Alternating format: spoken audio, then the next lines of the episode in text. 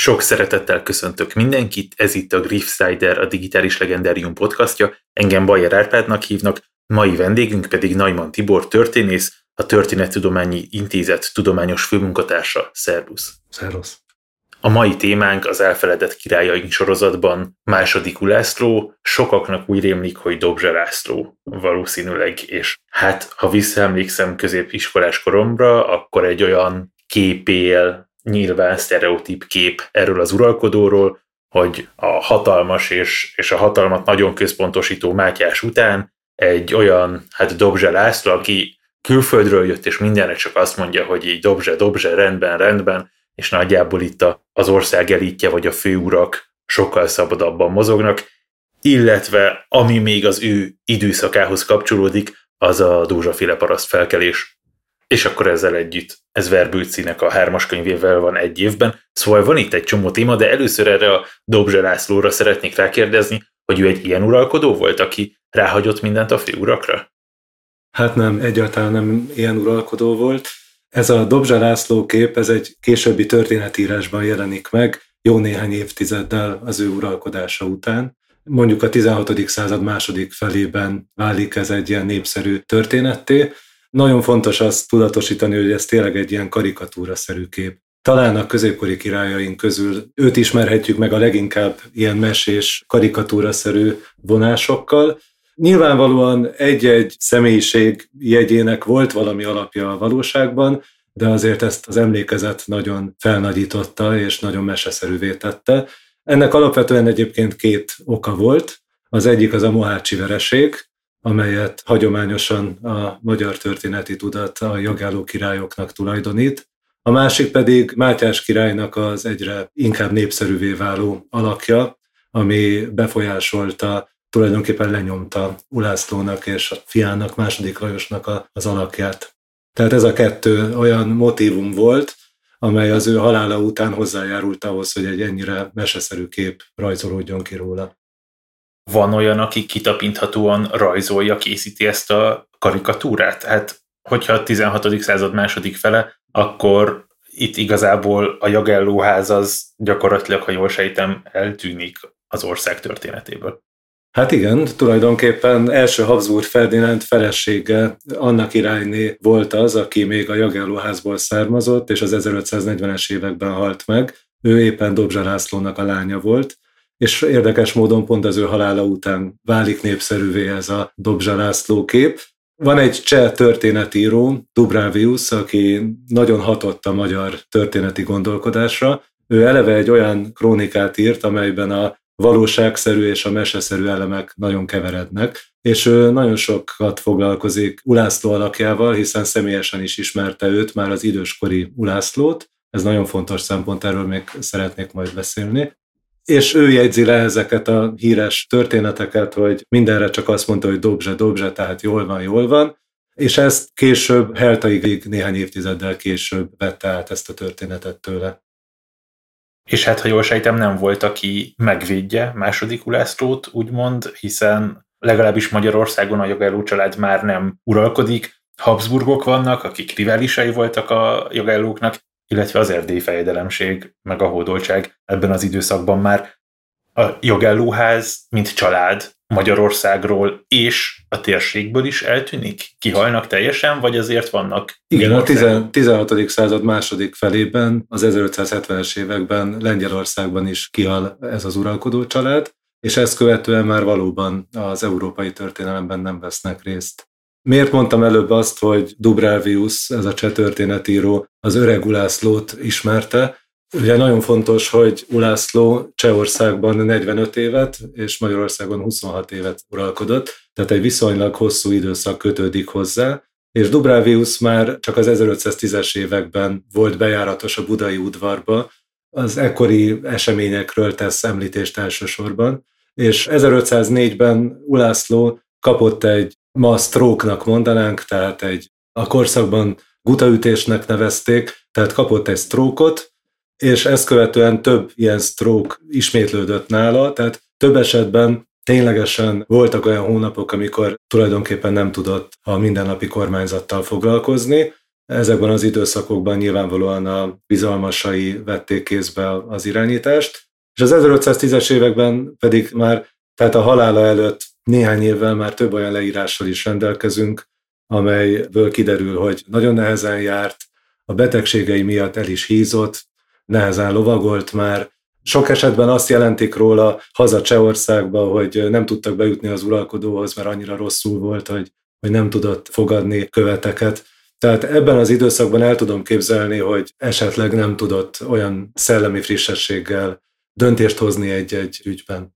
Tehát ez hozzájárulhatott ahhoz, hogy egy ilyen kicsit tutyi uralkodásra képtelen, és mindenre csak legyintő, és jól van, csináljátok, jellegű uralkodó vált belőle. Tehát ez a Dobzsa László kép, ez lényegében az idős stroke utáni uralkodónak a karikírozása valamilyen szinten, vagy ezen alapul. Igen.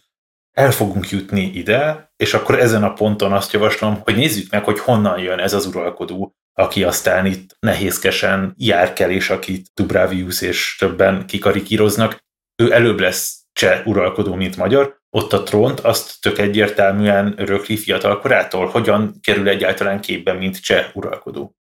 1471-ben választják őt királyá, 15 évesen. Ő a lengyel királynak volt a legidősebb fia, Kázmér királynak, és Csehországban a Pogyebrád időszak után a Jagellóházból szerettek volna választani uralkodót, részben a mi Mátyásunk ellenében és 15 évesen kerülő trónra Csehországban, egy igen nehéz politikai szituációban, de tulajdonképpen a magyar arisztokrácia is, illetve a magyar politikai elit is azt látta az ő uralmából ebben az időszakban, hogy ellene tudott állni Mátyás támadásainak. Ugye Mátyásnak az volt a célja, hogy elfoglalja Csehországot, de csak Morvaországot és Sziléziát, illetve hát más cseh tartományokat tudott elfoglalni, a szűk értelemben vett Csehországot második Ulászló bár fiatalon, a báróival meg tudta védelmezni, és ennek lett a következménye az, hogy 1479-ben Mátyás végül is az Olmüci békében elismerte második Ulászló csehországi uralmát, és ettől kezdődően egy békésebb időszak volt Magyarország és Csehország között. Tehát a kortársak biztos, hogy sikerként vették azt, hogy második Ulászló meg tudta védeni Csehországot Mátyással szemben. Ráadásul Kezmér legidősebb fia, tehát a lengyel trónnak is a várományosa? Igen, többször felmerült mind Kázmér 1492. évi halála után, mind Ulászló két öccsének, János Albertnek és Sántornak a halála után, hogy esetleg Ulászlót is lengyel királyá lehet választani. Érdekes módon Ulászló erre nem jelentette be az igényt, illetve nem támadta meg Lengyelországot annak érdekében, hogy őt lengyel királyá válasszák, pedig ő volt a legidősebb fiú. Minden esetben átengedte öccseinek a lengyel és a litván trónt. Nyilvánvalóan úgy gondolták, hogy a Jagelló dinasztia kezében egy olyan hatalmas terület volt, hogy egy személy azt talán nem, nem tudja irányítani. Illetve a Jagelló dinasztián belül is Ulászló édesanyjáról szokták azt mondani, hogy ő törekedett arra, hogy minden fiúnak jusson egy-egy ország a Jagelló országok közül, és úgy tűnik, hogy ezt a dinasztia majd minden férfi tagja is elfogadta. Nagyon fontos egyébként, amikor Dobzsa Lászlóról és egy ilyen nevetséges királyról beszélünk, vagy egy olyan képről, vagy egy nevetséges királyról van szó az ő esetében, hogy 1492-től ő volt a Jagelló dinasztia rangidős férfi tagja, már pedig ez a dinasztia tulajdonképpen, ha ránézünk a térképre, akkor a korabeli Európa közel egyharmadát a kezében tartotta, Litvánia óriási területet foglalt el, és hát Lengyelország, Csehország és Magyarország így együtt tényleg hatalmas nagy területre terjed ki. És ha jól sejtem, akkor a fő riválisaik a Habsburgok lehettek. Milyen a viszony cseh királyként a Habsburgokkal, akik szintén ebben a térségben nagyjából próbálnak hatalmi tényező lenni? Hát nagyon vegyes, azt kell, hogy mondjam, hogy nagyon hullámzó volt ez a kapcsolat akkor is, amikor még csak cseh király volt Ulászló, de azt követően is, hogy már magyar király lett. Több esetben ugye Mátyás király támadásai miatt a Habsburgok és a Jagellók időnként egymással szövetséges viszonyban voltak, máskor viszont riválisok voltak egymással. 1490-et követően pedig mindkét dinasztia szerette volna megszerezni Mátyás király trónját, akkor meg kifejezetten háborús helyzet alakult ki, de később is hosszú ideig Habsburg Miksa, az akkori német király, diplomáciai szintéren megtett mindent, hogy nehézségeket okozzon második Ulászlónak, de végül aztán normalizálódott a viszony, és ebből tulajdonképpen második Ulászló uralmának egyik legnagyobb külpolitikai sikere is származott, a híres kettős házasságkötés a Habsburg és a Jagelló dinasztia között 1515-ben. Ekkortól kifejezetten baráti volt a kapcsolat. Tehát úgy uralkodik lényegében a Jagelló dinasztia Európa egyharmadán, hogy a fő riválissal, a Habsburgokkal rokoni kapcsolatok fűzik össze, és szövetség van, igen, Mindezt, bár, bár, igen. bár Ulászló a Habsburgoknak egy másik ágával volt szorosabb rokoni kapcsolatban. Ulászló édesanyja Habsburg lány volt, de ő a Habsburgoknak egy másik ágából származott, szemben harmadik Frigyessel, a császárral és a fiával, Habsburg Miksával. De így is természetesen ilyen harmadfokú unokatestvéri rokonság volt közöttük és ha jól sejtem, akkor nem is a rokonsági fok, hanem inkább az, hogy nincs háborús viszony, hanem alapvetően egy többé-kevésbé szövetségi kapcsolat van, vagy egy békés kapcsolat legalább, az lehetőséget ad, hogy valami más irányba delegáljanak erőt, valami más irányba fektessenek energiát. Ez az irány a török? Így van. 1491-ben második Ulászló megköti a pozsonyi békét harmadik Frigyes császárral és a fiával Miksával, és tulajdonképpen ezzel lezárulnak a Mátyás által elkezdett nyugati háborúk, és ettől fogva Magyarország 1526-ig egy nagyon rövid, néhány hónapos időszakot leszámítva, amikor van egy rövid háborús helyzet a Habsburgokkal 1505-1506-ban, kizárólag a török fronton aktív. Amikor meghal Mátyás, ez nagyon jól látható, hogy az akkori magyar politikai elit olyan uralkodót akart választani, aki ki tud hátrálni a Mátyás által megkezdett nyugat-európai háborúkból, ugyanis az akkori főuraknak az volt az érzése, hogy az egyre erősödő oszmán birodalommal szemben csak egy olyan magyar királyság tud szembenállni, vagy felvenni a versenyt, amely a keresztény országokkal nem háborúzik, hanem minden erőforrását a török harcokra tudja fordítani. Gyakorlatilag itt a jogellókkal és az ő jó viszonyukkal a Habsburgokkal megvalósul az, amiért Mátyás is küzd, legalábbis ami egy ilyen gyakran hangoztatott érvként szokott megjelenni, hogy miért nem a török ellen visel hadat, hát azért, hogy Magyarország is a birodalma nagyobb legyen és erősebb, és föl tudja venni egyáltalán a kesztyűt a törökkel szemben. Itt most a Ulászló kezében lévő Csehország és Magyarország, kiegészítve a rokoni Lengyelországgal és a jó viszonyban lévő Habsburgokkal, ez így már egy olyan csoportosulás, ami felveszi a kesztyűt gyakorlatilag a törökkel szemben. Igen, a kortársak úgy gondolták, hogy ez a legtöbb, ami kihozható. Egyiptom elfoglalása után 1517-től azért a kortársak látták, hogy még ez is kevés, hozzátéve azt, hogy sajnos ezek az erőforrások nem voltak könnyen mozgósíthatók. Tehát egy idő után Lengyelország, hiába a Jagelló dinasztia uralta ezt az országot is, sokszor külön törekedett a török birodalommal is. Nem csak a dinasztia döntötte el azt, hogy egy ország milyen viszonyban van a törökökkel, nyilván a helyi politikai elit is beleszólt abba, hogy kössünk-e békét, ne kössünk-e békét. Ez Magyarországon is folyamatosan problémát okozott. Mást akart a nemesség, mást akartak a, a főurak, mást akart a király, Persze általában az uralkodónak a szándéka érvényesült.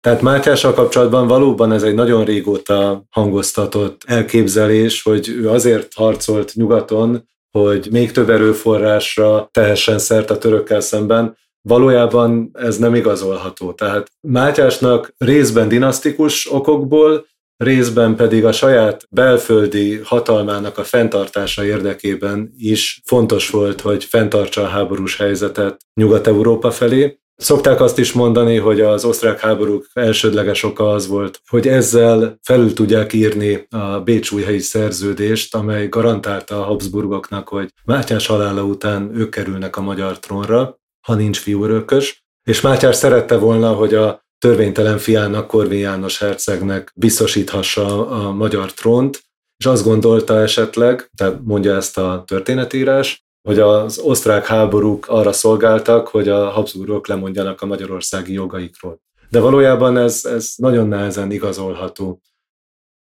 Második Ulászlóról az a képünk, hogy ő a nagyhatalmú Mátyás után került trónra. Az már látszik, hogy ő nem egy Dobzse László, tehát hogy nem egy gyenge, jelentéktelen szereplőt választottak itt a magyar urak, hanem egy nagyhatalmú, jelentős dinasztiából származó valakit, aki mögött már ott van egész Csehország gyakorlatilag, de mégis mi az, ami miatt őt a magyar elit megválasztja magyar uralkodónak, mi az a jogcím, ami miatt ő uralkodó lett, másrészt pedig miért ő, és miért nem a Habsburgok, és miért nem Korvin János, és miért nem akár Beatrix királynő, vagy bárki más.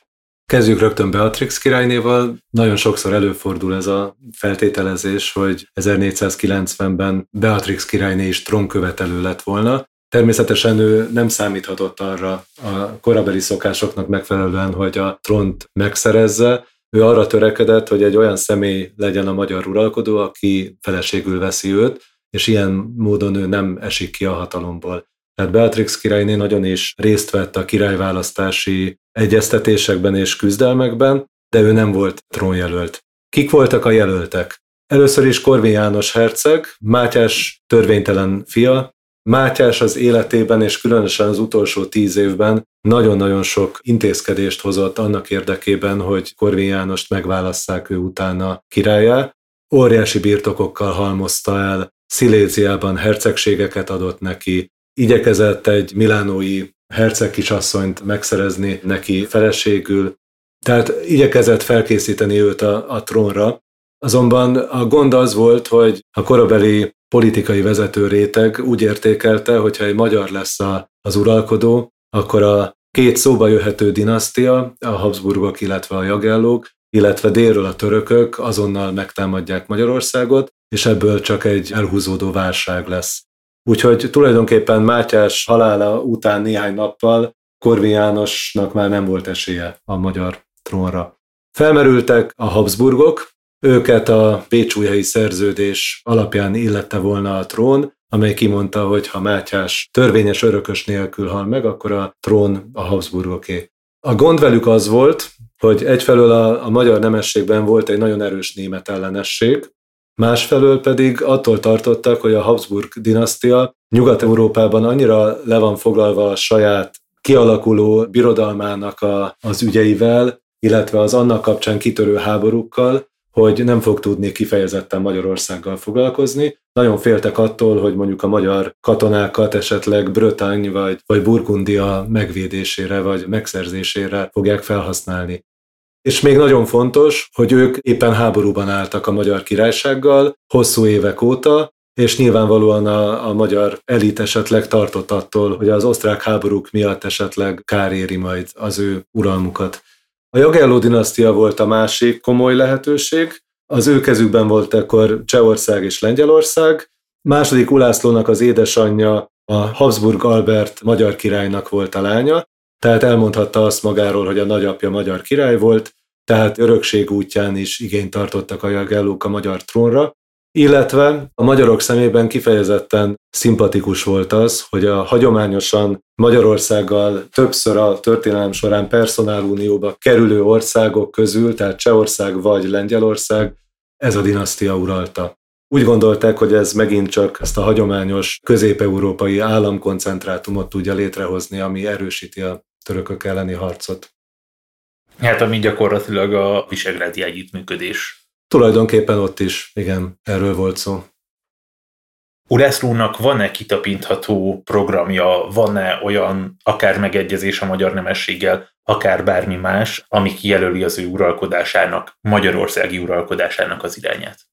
Tulajdonképpen éppen az tapintható ki nagyon erősen, amiről már előbb beszéltünk, hogy kifejezetten törekedett arra, hogy lezárja az összes keresztény uralkodó elleni háborút, és Magyarországnak ne legyen más ellensége, mint a török birodalom vagy oszmán birodalom.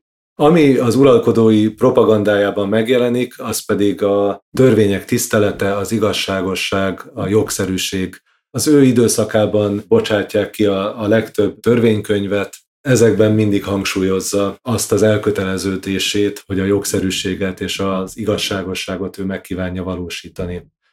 Amit még fontos talán vele kapcsolatban megemlíteni, hogy kiszokták emelni azt, hogy mennyire más személyiség volt Mátyáshoz képest. Mátyás a tipikusan harcos, kezdeményező uralkodó, aki számos háborút visel, mindig komoly külpolitikai tevékenységet, diplomáciát fejt ki. Ezzel szemben Ulászlót az utókor is elmarasztalja, hogy nem vezet háborúkat. Nem, hogy Nyugat-Európa felé nem vezet háborúkat, amiről már volt szó, hanem a törökökkel szemben sem vezet háborúkat. Valójában Mátyás sem nagyon vezetett, csak néhány esetben kényszerből vezetett hadjáratot az oszmán birodalom ellen, de nagyon megváltozott időközben a, az erőegyensúly. Tehát az a török birodalom, amely második Ulászló idején ott van a déli határoknál, az már egy jóval erősebb, tulajdonképpen világhatalomnak számító török birodalom, és nem csak Ulászló, hanem a mellette álló vezető réteg is úgy gondolta, hogy egy törökök ellen vezetett támadó hadjárat az már az öngyilkossággal ér fel, Emiatt nagyon figyelnek arra, hogyha betöréseket vezetnek, mert portyázások vannak az oszmán birodalom területén, nagyon figyelnek arra, hogy az uralkodó ne lépje át a határt. Nem azért, mert nem tudott volna egy hadjárat élére állni, hanem annak szimbolikus jelentősége volt. Ha az uralkodó betör az oszmán területre, akkor biztos az, hogy a szultán fog egy bosszú hadjáratot vezetni a magyar királyság ellen, mert pedig a jagellókorban nagyon törekedtek arra, hogy elkerüljék a lehetőségét is annak, hogy a szultán hadjáratot vezessen a magyar királyság ellen, hiszen a határmenti pasáknak, bégeknek a igen erős seregével is nagyon nehezen tudta felvenni a versenyt a korabeli magyar határvédelem. Itt gyakorlatilag egy folyamatos helyi konfliktus van, de nem lehet arra törekedni, hogy egy államközi béke legyen ennek, vagy nem lehet a törökkel diplomáciai alapon valamilyen békében megegyezni. Tehát, hogy az, hogy a török ott az ellenség is ott, néha átmegyünk a határon, és kiraboljuk és megöljük egymás területét és területén élőket, annak nincs alternatívája? Annak csak a nagy háború az alternatívája? Tulajdonképpen igen. Ezeknek a portyáknak általában az a célja, vagy persze egy bosszú hadjárat, de azért leginkább az a célja, hogy az aktuális fegyverszüneti tárgyalások során ez egy adu legyen. Tehát ezzel általában a nagyobb portyákkal támasztották alá a békekötési szándékot. Hogyha ilyen portyákat nem vezettek volna, akkor nyilvánvalóan az alkupozíció sokkal gyengébb lett volna. Tulajdonképpen a... Bocsánat, de akkor, ha jól értem, akkor vannak békekötések menet közben, van egy portja, elindul egy béketárgyalás, van egy nagyobb portja, ó, erősebbek vagytok, akkor inkább kössünk békét itt akkor ezek egy ilyen folyamatos hullámzás, amit látunk, hogy van egy békekötés, aztán néhány év múlva újra kiújulnak a portyázások? Igen, a második Ulászlót azért is kritizálták nagyon sokat, mert 1495-től, tehát öt évvel azután, hogy trónra került, három-öt éves időszakokban általában rendre meghosszabbította az aktuális fegyverszüneteket. Tehát Ulászló időszaka Leszámítva néhány évet, amikor Magyarország Velence oldalán és több nyugati országgal szövetséget kötve részt vett a török elleni háborúban, tehát általában béke volt. De ezt a békét nem úgy kell elképzelni, mint ma képzelnénk el egy békét. Ettől függetlenül a felek folyamatosan pusztították a másiknak a határmenti területeit. Ez az időszak hozza azt magával, hogy mind az oszmán birodalom északi, mind a magyar királyság déli része egyre inkább elpusztul, és emiatt a magyar politikai réteg, vagy a nemesség egy része folyamatosan arra panaszkodik, hogy a, a béke pusztítja el a területeinket. Tehát hiába van béke, a királyság folyamatosan pusztul. Na most az, hogy volt-e más alternatíva, azért nagyon fontos azt leszögezni, hogy az oszmán birodalom egy hódító birodalom volt, tehát az egész struktúrája arra épült, hogy folyamatos hódításokat folytasson, tehát egyre inkább gyarapítania kellett a területét, hogy fenntartsa azt a katonáskodó réteget, amelyel rendelkezett. Másfelől pedig nagyon fontos azt újra tudatosítani, hogy természetesen egy keresztény és egy mohamedán országról van szó, tehát természetesen vallási kérdésekben is itt két külön kultúra, civilizáció találkozásáról volt szó, tehát nagyon nehéz volt itt egy hosszú békére törekedni. A vallási különbségek és a diplomáciai jelentétek ellenére mennyire van itt kulturális csere, illetve nem csak kulturális, hanem kereskedelmi csere a két ország között, mennyire zárt ez a határ, mi az, ami átjön mégis itt?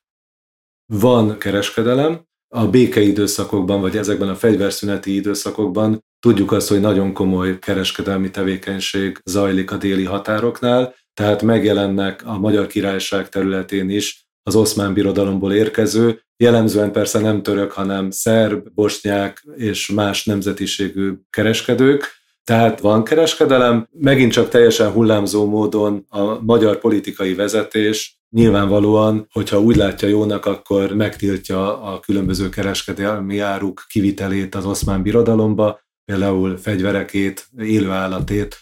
Tehát nagyon hullámzó ez a, ez a kereskedelmi kapcsolat, és nagyon fontos az, hogy hiába van béke, mivel ezek a portyázások zajlanak, folyamatosan fenn kell tartani azt az állandó hadsereget, amelyet második Ulászló és majd fia is fenntart a déli végvárrendszerben, illetve óriási költségeket emésztel az, hogy ezeket a végvárakat karbantartsák, illetve hogy a zsoldot fizetni tudják.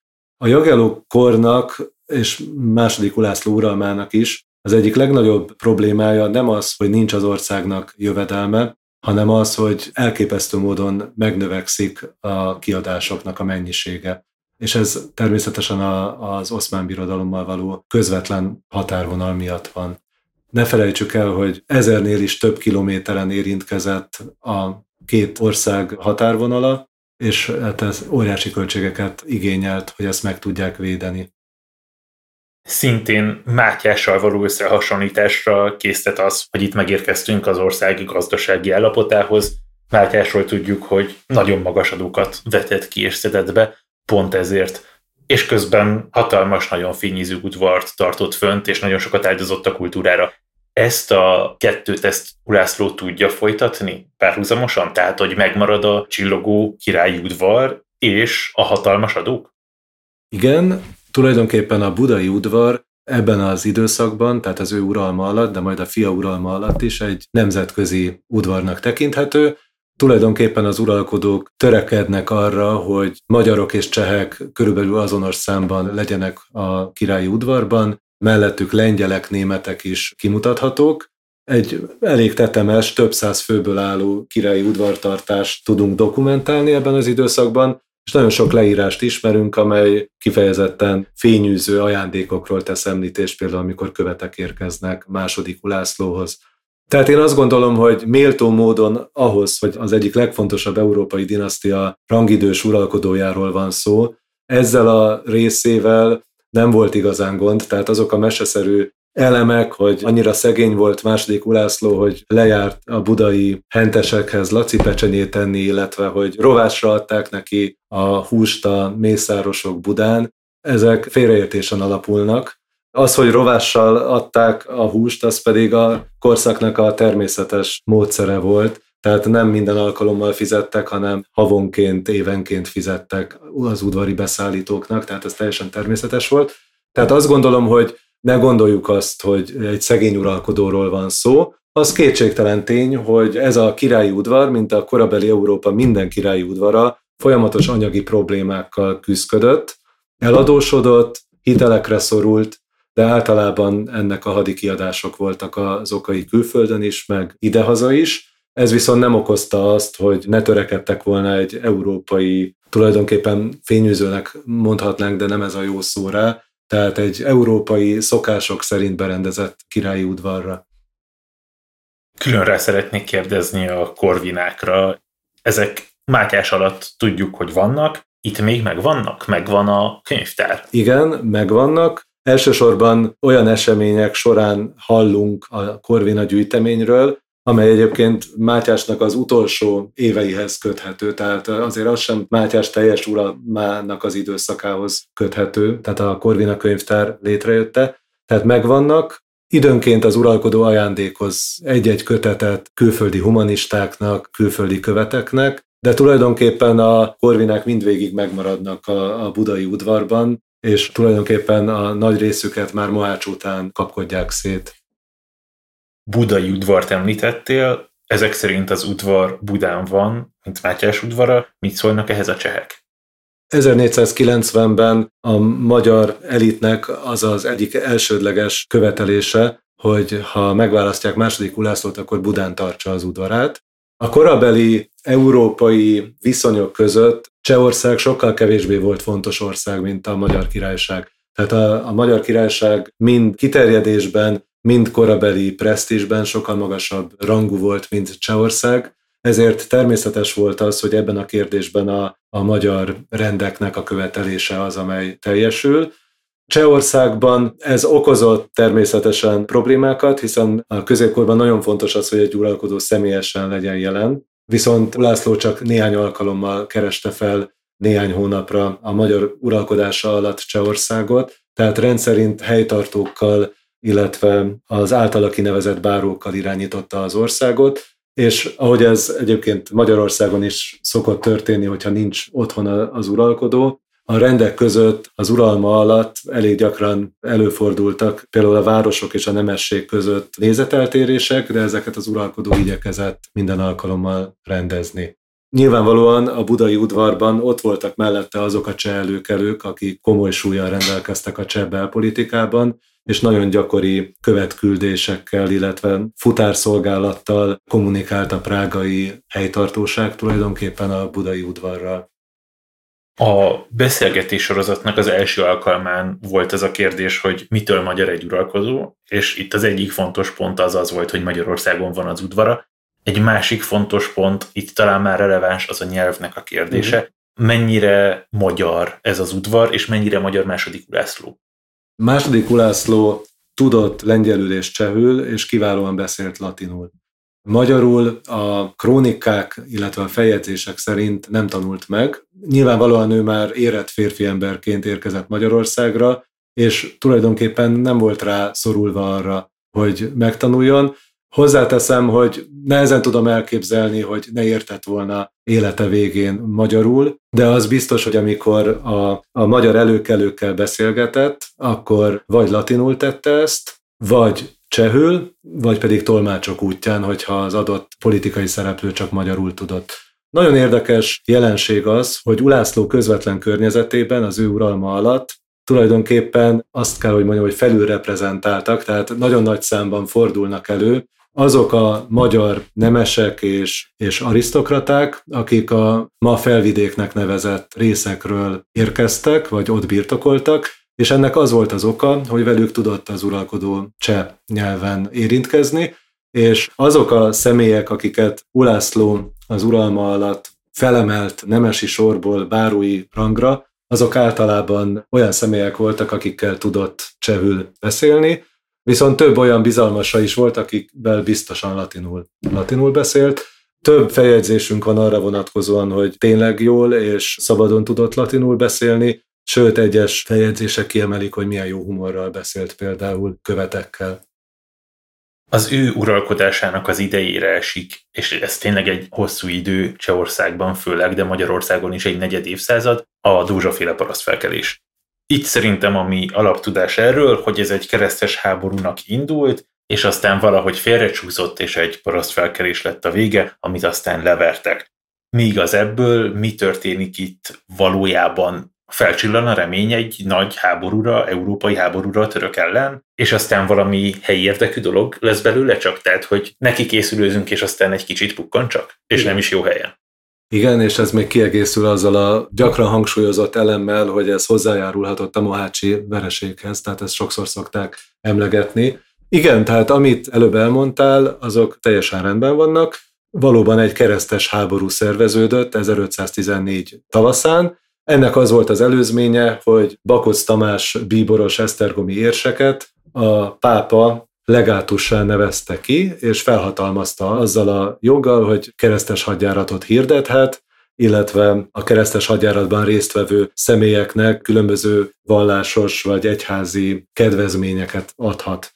Bakóc hazatér 1514 elején, van egy országgyűlés Budán, amely... Bocsánat, itt csak, hogy Bakóc személyéhez még, hogy itt, ha jól emlékszem, akkor itt ez a pápa részéről egy olyan gesztus is, hogy Bakóc volt a nagy rivális, aki alul maradt, és akkor, ha már alul maradt, akkor alul maradt riválisnak adjunk valami nagy feladatot, amiben lehetőleg beletörik a bicskája. Kicsit ez a felhang meg hangulat igen, van mögötte Igen, talán. szokták ezt mondani. Én nem gondolom, hogy itt a, a cél az volt, hogy beletörjön a bicskája. A keresztes gondolat az egy mindig is élő gondolat volt a korabeli Európában, a törökkel szembeni összefogás pedig, bár gyakran csak propagandisztikus szólamként, de szintén mindig ott volt az európai közgondolkodásban.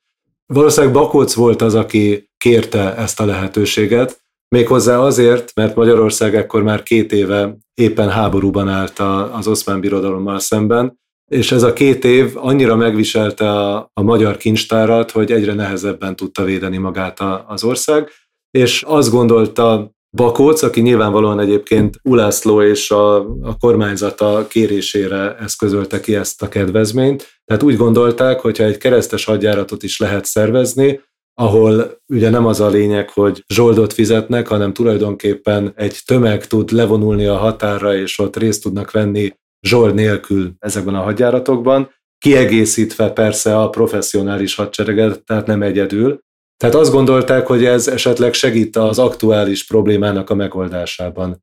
Bakóc nem csak Magyarországon, hanem teljes Kelet-Európában jogot kapott arra, hogy támogatást szerezzen, illetve kereszteseket hívjon a Magyar Királyság területére. Végül nagyon gyorsan lezárult ez az egész. Tehát nyilvánvalóan itt egy hosszú keresztes hadjáratra gondoltak, de végül az lett belőle, hogy annyira sokan gyűltek össze 1514 májusában, és annyira sok közbiztonsággal kapcsolatos problémát okozott ez, illetve közben a törökök békét kértek, és ezt a korabeli magyar elit egy lehetőségként értelmezte, hogy inkább amellett döntöttek, hogy esetleg ne szélesítsék ki ezt a keresztes hadjáratot, viszont ekkor már több ezren összegyűltek, és ők már nem akarták letenni a fegyvert. Tehát a korabeli gondolkodás szerint Ugye ők arra kaptak jogosultságot, hogyha részt vesznek a hadjáratban, akkor a bűneik bocsánatot nyernek, és ezáltal üdvözülhetnek. És ebben a helyzetben több összezőrenés történt a, a nemesek és a felkelő, csak részben parasztok, mert közöttük voltak nemesek is természetesen, de azért nagy részt parasztokból állt ez a keresztes haderő. Tehát több kisebb összetűzés is történt, amely végül oda vezetett, hogy amikor Dózsa György, aki ennek a hadseregnek az élére állt, valószínűleg Bakóc megbízásából, amikor meghallotta, hogy betiltották ezt a hadjáratot, akkor úgy döntött, hogy ő pedig folytatni fogja, és ez bizonyára a nemeseknek a döntése, hogy ne menjünk a törökök ellen, és ebből kialakult egy ilyen nemességgel szembeni lázadás. Tehát így lett parasztfelkelés a keresztes hadjáratból. Hihetetlen brutalitásokkal járt ez a felkelés, talán közismert, hogy május végén Dózsa elfogta Apátfalvánál Csáki Miklós csanádi püspököt, és karóba is húzatta, méghozzá fordítva, tehát a fejével kezdve, ami egy különösen megalázó és rendkívül fájdalmas halál nem volt a korszakban, és ezt követően természetesen már olyan mély ellentétek keletkeztek, hogy nem lehetett békében lezárni ezt a, ezt a felkelést. Nagyon fontos azt tudatosítani, hogy ez egy nagyon gyors eseménysorozat. Tehát májusban kezdődött, és július közepén végén már be is fejeződik. Tehát összesen az egész történet három hónapig tart, és ami nagyon fontos, hogy nem volt utána nagy bosszúhagyjárat, és kizárólag a fővezéreket végezték ki.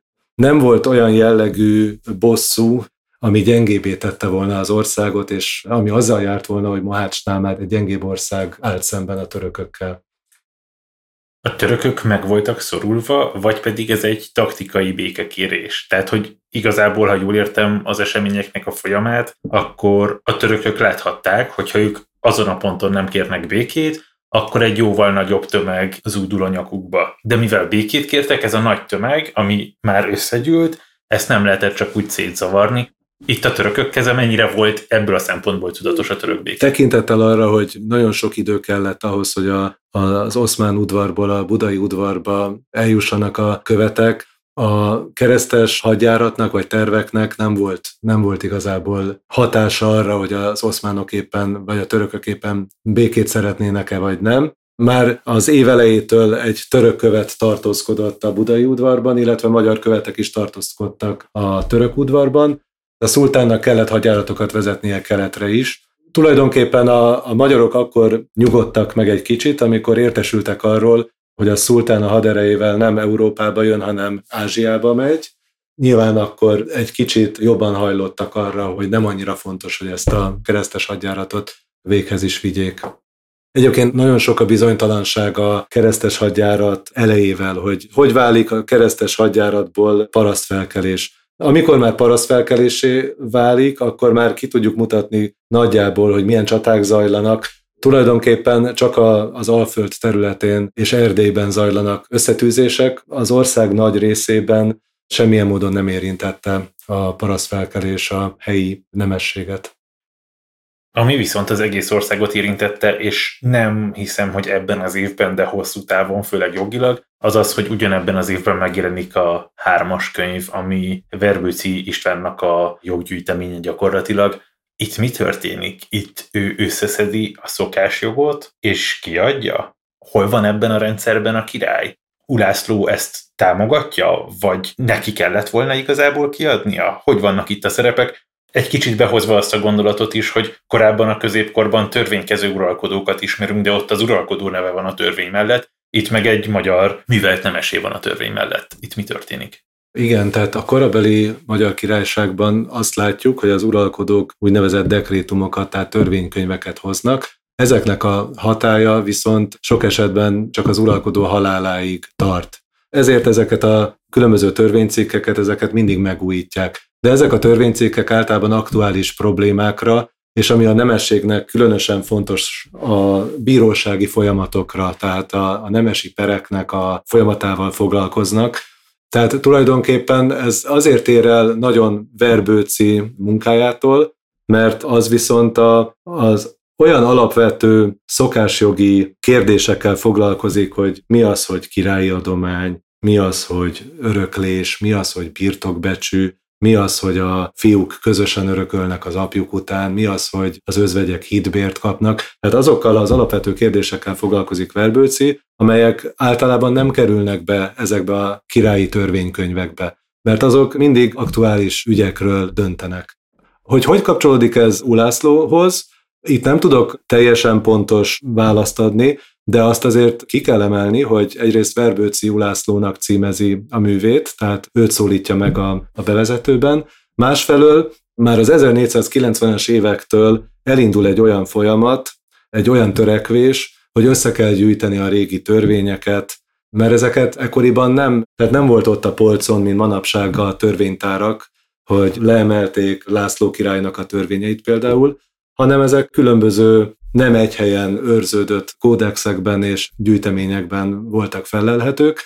Ulászló idejében történik meg az, hogy ez a kúriai jogtudó értelmiség nem tudjuk, hogy mennyire a király kérésére, hivatalosan a király kérésére elkezdik összegyűjteni ezeket a régi törvényeket, és ezzel párhuzamosan az is felmerül, hogy a magyar szokásjogot most már nem csak szájhagyomány útján kellene tovább örökíteni az utókorra, hanem most már le is kell írni, és esetleg meg is kell jelentetni. Nagyon fontos, hogy ezt a rendkívüli szokásjogi összefoglalást országgyűlésen nem is fogadták el, tehát ez nem számított törvénynek, mégis a 19. századig használták a jogéletben. Tehát soha nem szavazta meg törvényként az országgyűlés, és nem szentesítette az uralkodó, mégis nagyon nagy utóélete van, és nagyon jellemző volt erre a 16. század elejé korszakra, amikor tényleg elkezdtek a részben humanista műveltségű jogászok és tudósok elkezdtek gyűjteni értékes kéziratokat és törvénygyűjteményeket. Tehát gyakorlatilag, ha jól értem, az uralkodó, most akkor maradjunk Magyarországon a magyar államiság kezdetétől, azt szabályozza, amit módosítani szeretne a társadalom működésén. Amit pedig nem szeretne módosítani, hát az is történik valahogy, az is kialakult valahogy, és ezeket, amiben az uralkodó nem nyúlt bele, gyakorlatilag ezeket szedi össze Verbőci, amik nincsenek egységesen korábban leírva, de mégis így működik és egyértelmű a kortársak számára, hogy igen, így működünk, és ezért válik egy népszerű és sokáig használ dologá, mert nincs más szabályozás igen, igazából. Igen, és még azt emelném ki, hogy előbb úgy fogalmaztál, hogy amit a király módosítani akar. Ugye a törvényekben az is benne van, amit a király módosítani akar, de itt inkább arra hegyezném ki ezt a folyamatot, hogy a király általában nem azért, mert ő ki akar adni törvényeket, hanem azért, mert a magyar rendek kérik tőle, hogy a sérelmeiket orvosolja. Cserébe természetesen megszavazzák a király által kért adót. Tehát itt általában a, az uralkodó, a főpapok és a bárók, akik körülötte a kormányzatot irányítják, egy többszöri tárgyalást folytatnak a nemességgel, illetve a rendekkel, egyeztetéseket, és általában a nemességnek a kéréseit foglalják törvénybe. Tehát ezek a király neve alatt megjelent törvények, de ebben nem mindig a király szándékai találhatók meg, hanem inkább a nemesség kérései. Emiatt van az, hogy egy magyar uralkodó utána nem is mindig valósítja meg ezeket a kéréseket, tehát szentesíti, elfogadja, de ha nem tetszik neki, akkor egy idő után az lekerül a napi rendről. Tehát azért mindig az uralkodó az első, akinek a szava dönt.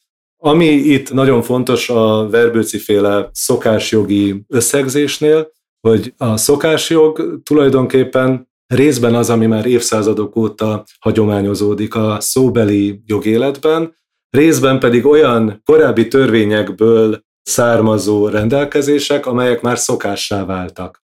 Tehát ebből adódnak ezek a cikkelyek, de tényleg itt az a lényeg, hogy főleg a nemeseknek készül természetesen, hogy születésüktől a halálukig az ő magánjogi tevékenységüknek legyen egy tankönyve tulajdonképpen, amelyet a jogászok használhatnak. Verbőci nyilvánvalóan ezért írta, végül nem vált hivatalos tankönyvé. Térjünk vissza az uralkodóhoz, mert hogy ez mind alatta történik, de itt előre szaladtunk olyan szempontból, hogy itt már második Ulászló hát gutaütése vagy sztrókja után vagyunk. Mi történik 1504-ben? Van-e valami, ami kitapintható, ami okozza bármilyen szinten ezt a sztrókot?